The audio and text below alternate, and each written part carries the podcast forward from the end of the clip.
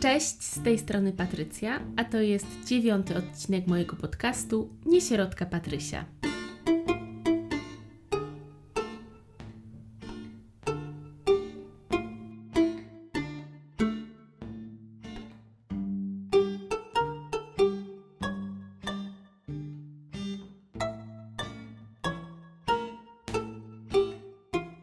Tematem dzisiejszego odcinka będzie alkohol.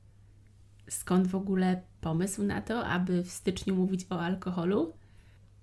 No, chyba łatwo się domyślić.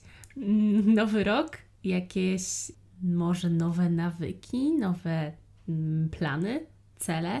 Między innymi u mnie pojawia się w planach odstawienie alkoholu. Zrobiłam to już w tamtym roku. Odstawiłam alkohol na 3 miesiące bardzo dobrze się wtedy czułam i pomyślałam, że w tym roku chciałabym to powtórzyć. Tak w ogóle to chciałabym przez cały 2021 nie pić, ale wiem też, że kiedy założę sobie taki bardzo duży cel, to jest mi trudno, dlatego na razie znowu zakładam, że to będą takie trzy miesiące niepicia. I pomyślałam, że trochę przyjrzę się temu w jaki sposób piją Polacy i jakie są tendencje. Przygotowując mm, materiały do tego podcastu, korzystałam między innymi z informacji, które można znaleźć na, na stronie Państwowej Agencji Rozwiązywania Problemów Alkoholowych i pobrałam też raport z CBOS. E, raport z 2019 roku, poprzedni raport był z 2010 i to, cóż, mogłam się przyjrzeć jakie były tendencje w 2010, a jakie w 2019 roku, co się zmieniło w kwestii picia alkoholu. Zanim o tym powiem, chciałabym najpierw e, zacząć od historii. Mm, skąd w ogóle wziął się ten alkohol i jak długo go już znamy? Można powiedzieć, że picie jest integralną częścią człowieczeństwa. Jeden z archeologów powiedział, że właściwie mamy do czynienia z kimś, kogo moglibyśmy nazwać homo imbibens. Bibere to z łaciny pić, czyli homo imbibens, człowiek pijący, tak moglibyśmy to przetłumaczyć. Nasi przodkowie bardzo chętnie i dość często spożywali piwo. Piwo miało sporo substancji odżywczych i było bezpieczniejsze niż czysta woda. Czysta oczywiście biorę w cudzysłów. Archeolodzy nie są pewni, co było pierwsze piwo czy chleb i zastanawiają się, czy zboże, które siali nasi przodkowie, miało służyć do tego, aby po zebraniu stworzyć z niego chleb i przez przypadek powstało piwo, czy może było ono siane, aby zrobić piwo, a chleb jest przypadkowy? Na to nie ma jednoznacznej odpowiedzi. Alkohol był oczywiście elementem ceremonii, elementem biesiad, ale był także czynnikiem wzmacniającym przemoc. I nie ma się co oszukiwać, że było inaczej. Chociaż tak naprawdę picie na umór i większe problemy z alkoholem, to wszystko przyszło wtedy, kiedy nauczyliśmy się, jak produkować alkohol w większych ilościach. Swoją drogą to ciekawe, że kiedy zaczynamy czegoś wytwarzać bardzo dużo i możemy to właściwie, mm, właściwie wytworzyć tego nieskończone ilości, to wtedy zaczynają się problemy i tracimy kontrolę. Mówi się, że alkohol może mieć też dobre skutki. Ja dość często słyszałam, że na przykład lampka wina dla zdrowia albo kieliszek naleweczki dla, dla zdrowia. Naukowcy jednak twierdzą, że nie ma czegoś takiego jak bezpieczna ilość alkoholu. Wpływ na to, jak zadziała na nas alkohol, ma wiele czynników, między innymi geny, dieta czy nasza waga. A wracając do tej lampki wina, znalazłam artykuł w The Lancet, który to przedstawia mm, wyniki na grupie badanych osób. To była grupa ze 195 krajów i naukowcy doszli do wniosku, że czerwone wino obniża ciśnienie krwi, może być zdrowe dla serca, ma w sobie bardzo dużo polifenoli, jednak korzyści płynące z wypicia lampki czerwonego wina są znacznie mniejsze niż skutki uboczne. A poza tym, jeżeli chodzi o te polifenole, to możemy je znaleźć w innych, znacznie zdrowszych rzeczach. Na przykład tyle samo polifenoli, co lampka wina ma garść orzechów włoskich, dwa małe jabłka albo 360 ml herbaty. Mówi się też, że alkohol jest świetnym środkiem nasennym. I sama znam kilka osób, które lubią sobie wypić kieliszeczek przed snem, bo wtedy po prostu łatwiej im się zasypia i lepiej im się śpi. Tyle, że to nie do końca prawda. Owszem, znacznie łatwiej jest zasnąć po alkoholu, tyle, że sen głęboki towarzyszy nam tylko przez chwilę. Później mm, mamy sen płytki i podzielony. Często też wybudzamy się w nocy, chociaż wybudzamy to może złe słowo, po prostu przebudzamy się w nocy na chwilkę e, i za moment zasypiamy. Rano nawet nie jesteśmy mm, tego świadomi. Wydaje nam się, że, że świetnie przespaliśmy całą noc, no, ale badania pokazują, że jest inaczej. Alkohol jak najbardziej jest powiązany z chorobami. I chyba nikogo nie dziwi połączenie alkoholu z marskością wątroby, udarem czy wysokim ciśnieniem. Ale nie tylko. Udowodniono, że alkohol jest czynnikiem rakotwórczym. Między innymi zmienia poziom hormonów, np. estrogenu. Zauważono związek między piciem alkoholu a rakiem piersi. Europejski kodeks walki z rakiem zaleca dlatego całkowite odrzucenie alkoholu. A z dobrych rzeczy ważne jest to, że jeżeli przestaniesz pić alkohol, to zmniejszasz to ryzyko pojawienia się raka. Czy zatem alkohol to samo zło? Cóż, nie chcę go jakoś demonizować. Sama bardzo lubię na przykład rum. Naprawdę, kocham ten smak. Czy zdarzyło mi się kiedyś upić? Tak. Czy imprezy z moimi znajomymi i rodziną były imprezami, na których pojawiał się alkohol? Tak. I zdaję sobie sprawę, że czasem bardzo trudno jest odmówić, ale o tym za chwilę. Teraz przechodzę do liczb i raportu, o którym wcześniej mówiłam. Raport z 2019 roku mówi m.in. o wartości sprzedanego alkoholu. To jest e, zawrotna suma 40 milion. Czy ja umiem to przeczytać? Nie, to, to nie są miliony. To jest 40 miliardów 610 milionów 765 250 55 groszy. Uff. Czyli jeszcze raz, wartość sprzedaży alkoholu za 2019 rok to ponad 40 miliardów. W 2013 to było ponad 28 miliardów, a w 2017 ponad 36 miliardów, więc e, ta wartość cały czas wzrasta. To niekoniecznie musi oznaczać, że pijemy więcej. Raz, że przecież ceny się zmieniają, mm, a dwa, widać taką tendencję, że coraz częściej jesteśmy skłonni kupić droższy alkohol. O tym za chwilę. W 2019 roku w izbach wytrzeźwień zatrzymano ponad 121 tysięcy osób, natomiast w innych placówkach ponad 60 tysięcy. Czyli zatrzymanych razem mamy ponad 180 tysięcy. Ktoś może zapytać: Halo, halo, mamy 2021, więc dlaczego mówisz o 19? Mm, ano dlatego, że mm, te raporty CBOS-u nie są tworzone każdego roku, natomiast raport Państwowej Agencji Rozwiązywania Problemów Alkoholowych jeszcze nie powstał. Chociaż przyznam, że jestem bardzo ciekawa tego, jak to będzie przedstawiało się w 2020 roku, no bo przecież pandemia, więc wydaje mi się, że tutaj e, wartość sprzedanego alkoholu w 2020 na pewno będzie większa. A ciekawe, czy zwiększy się odsetek ludzi, którzy deklarują picie alkoholu. Ale dobra, wracamy do tych badań. 2010 kontra 2019 rok. Porównaniu do 2010 zmniejszył się odsetek osób, które deklarują częste picie, natomiast zwiększył się odsetek tych, którzy mówią, że piją czasami.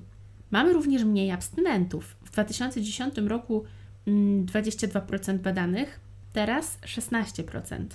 W poprzednich latach najczęściej piliśmy piwo. I to się nie zmieniło, chociaż pijemy tego piwa mniej na rzecz innych alkoholi. W 2010 roku 52% osób mówiło, że najczęściej spożywa piwo, natomiast w 2019 39%.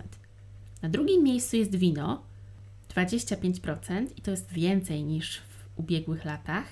Na trzecim miejscu wódka 16% i tutaj mamy niewielki spadek. Pijemy za to więcej alkoholi wysokogatunkowych, typu whisky czy koniak. Mm, w 2010 to było 6%, teraz jest to już 11%. E, no i trochę więcej osób e, wskazało, że pije coś innego, czyli na przykład jakieś radlery, shandy, tego typu sprawy. I tutaj też mamy wzrost z 3% w 2010 do 6% w 2019. Mężczyźni najczęściej wybierają piwo, a kobiety wino. Ciekawa sprawa, że wino czy alkohole wysokogatunkowe częściej wybierane są przez mieszkańców e, miast ponad półmilionowych, ludzi z wykształceniem wyższym oraz najlepiej sytuowanych. Znaczy, ciekawe, właściwie to nikogo nie powinno dziwić, ale ciekawa jest pewna tendencja, e, że wino czy whisky jest takie bardziej prestiżowe. Pomyślałam sobie, że jeśli ktoś mówi, wieczorem lubię wypić sobie lampkę wina, to to jakoś nikogo specjalnie nie razi. Ale gdybym ja mówiła, wieczorem lubię sobie wypić kieliszek wódki, to mogłoby to być już odbierane jako problem. Więc to wino albo whisky, no wiecie, ono trochę podnosi nam prestiż, a przynajmniej wciąż jest e, takie przekonanie, że właśnie to przecież tylko wino, to przecież tylko e, whisky. Gdybym piła wódkę, no to już coś byłoby nie tak. Natomiast tutaj spoko. Trochę na zasadzie właśnie e, jestem wykształcona, dobrze zarabiam, nie ma w tym problemu. Najczęściej pijemy w mieszkaniach i tutaj nic się nie zmienia. Mm, na drugim miejscu są puby, na trzecim restauracje. Oczywiście w pubach i restauracjach najczęściej piją młodzi ludzie z, z większych miast. 54% osób pijących mówi, że pije bardzo mało. 44% uważa, że spożywa alkohol w normie, natomiast tylko 1% uważa, że pije za dużo. Wśród Polaków wciąż panuje powszechne przekonanie, że piją bezpiecznie. Możemy zauważyć też trzy trendy. Zwrot ku droższym alkoholom. To jest to, o czym już e, wcześniej wspominałam, czyli zaczynamy stawiać na jakość, nie na ilość. Oprócz tego mm, coraz częściej sięgamy po piwa bezalkoholowe, a trzecia tendencja to sięganie po małpki. Co ciekawe, małpki powstały z myślą o młodzieży i kobietach miały być czymś pomiędzy wstrętnym, gorzkim piwem, a zwykłą wódą. Smaczne, kolorowe, w małych buteleczkach. Taka trochę iluzja kontroli nad piciem. Małpeczki najczęściej pijemy między 6.30 a 8.30 oraz po 16.00, czyli w drodze do pracy i z pracy. Małpeczka to był taki trochę szytański chwyt, tak to zostaje nazywane no bo to, o czym już mówiłam, pomiędzy piwem a wódką. Poza tym e, jest mała, mogę ją właściwie wszędzie schować i wnieść w różne miejsca. Jest e, słodka, nie ma takiego mocnego zapachu. A poza tym, małpeczka jest dla wszystkich. W myśl zasady mniej za mniej, stać mnie. I kiedy tak przygotowywałam się do tego odcinka, to myślałam sobie między innymi o sklepach z alkoholem. Mam poczucie, że one są wszędzie. Zastanówcie się, czy pobliżu waszego miejsca zamieszkania macie takie sklepy. I nie mówię tu o stacjach benzynowych. Ja alkohol mogę tak naprawdę kupić o każdej porze dnia i nocy i nie muszę się specjalnie nachodzić i naszukać miejsca, w którym taki alkohol dostanę. Poza tym, alkohol łypie na mnie z każdej strony. Pojawia się mnóstwo reklam alkoholu. To są takie mm, bardzo przyjemne obrazki. Tam wszyscy są zadowoleni, świetnie spędzają czas. Tyle, że nikt nie pokazuje, że później może być kac albo dochodzi do przemocy. Czy wiecie, że ponad 50% sprawców przemocy działa pod wpływem alkoholu? Poza tym mamy taką presję na picie. Mówię tutaj o imprezach. Kiedy w tamtym roku stwierdziłam, że nie będę piła, to spotkania były dla mnie trochę stresujące. To było ciekawe, że, że ja musiałam się tłumaczyć ze swojego niepicia. Czyli alkohol przyjęliśmy, picie alkoholu przyjęliśmy za normę, natomiast ktoś, kto nie pije na imprezie, może być określony mianem dziwaka. I za każdym razem, kiedy mówiłam, że nie piję, pojawiały się pytania: a dlaczego? Ja żałuję, że nie pytałam wtedy: a dlaczego ty pijesz? I kiedy dziewczyna mówi, że nie pije alkoholu, no to wtedy wiecie, ciąża. Ale kiedy okazuje się, że nie jesteś w ciąży, no to może antybiotyki, choroba jakaś.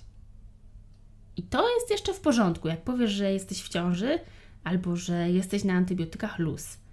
Ale jak powiesz, że nie pijesz, bo nie chcesz, to nie zawsze spotykałam się ze zrozumieniem. I w sumie nie ma się co dziwić, ponieważ alkohol bardzo często pojawiał się na imprezach rodzinnych, e, na jakichś uroczystościach. Czy ktoś z Was miał osiemnastkę bez alkoholu? Albo był na bezalkoholowym weselu? Pamiętam, że z moim mężem zastanawialiśmy się, bo początkowo mm, chcieliśmy mieć wesele bez alkoholu, i to jest ciekawe, że inni zaczęli nam mówić, i my też sobie o tym pomyśleliśmy, że jak zrobimy imprezę bez alkoholu, to o 22 wszyscy pójdą do domu, bo będzie nudno i nikt nie będzie tańczył. Więc w końcu zdecydowaliśmy się na alkohol. Co prawda niewysokoprocentowy, no ale był. I ja zaczęłam się zastanawiać, jak w takim razie ludzie spędzają czas bez alkoholu. Czy się da? Na pewno się da, ale wyobraźcie sobie, że idziecie na domówkę i nie ma alkoholu. Czy to nie napawa Was lękiem? No bo pojawiają się wtedy pytania, co my tam będziemy robić? Co mam zrobić, żeby się rozluźnić? O czym będziemy gadać? Ja sama przecież po alkoholu jestem duszą towarzystwa. Naprawdę, buzia mi się nie zamyka i, i ktoś nawet kiedyś mi powiedział, że ty to jesteś świetna po alkoholu. Jak wypijesz, po prostu jesteś taka słodka. Ale ja bym chciała być świetna bez alkoholu. I warto sobie zadać pytania, co daje mi ten alkohol i jak mogę to osiągnąć bez niego. Bo jeżeli ja potrafię się bawić, tańczyć, śmiać i jestem świetna po alkoholu, to coś chyba nie do końca jest tak, jak być powinno. Dziękuję za wysłuchanie odcinka. Do usłyszenia za tydzień. Nara.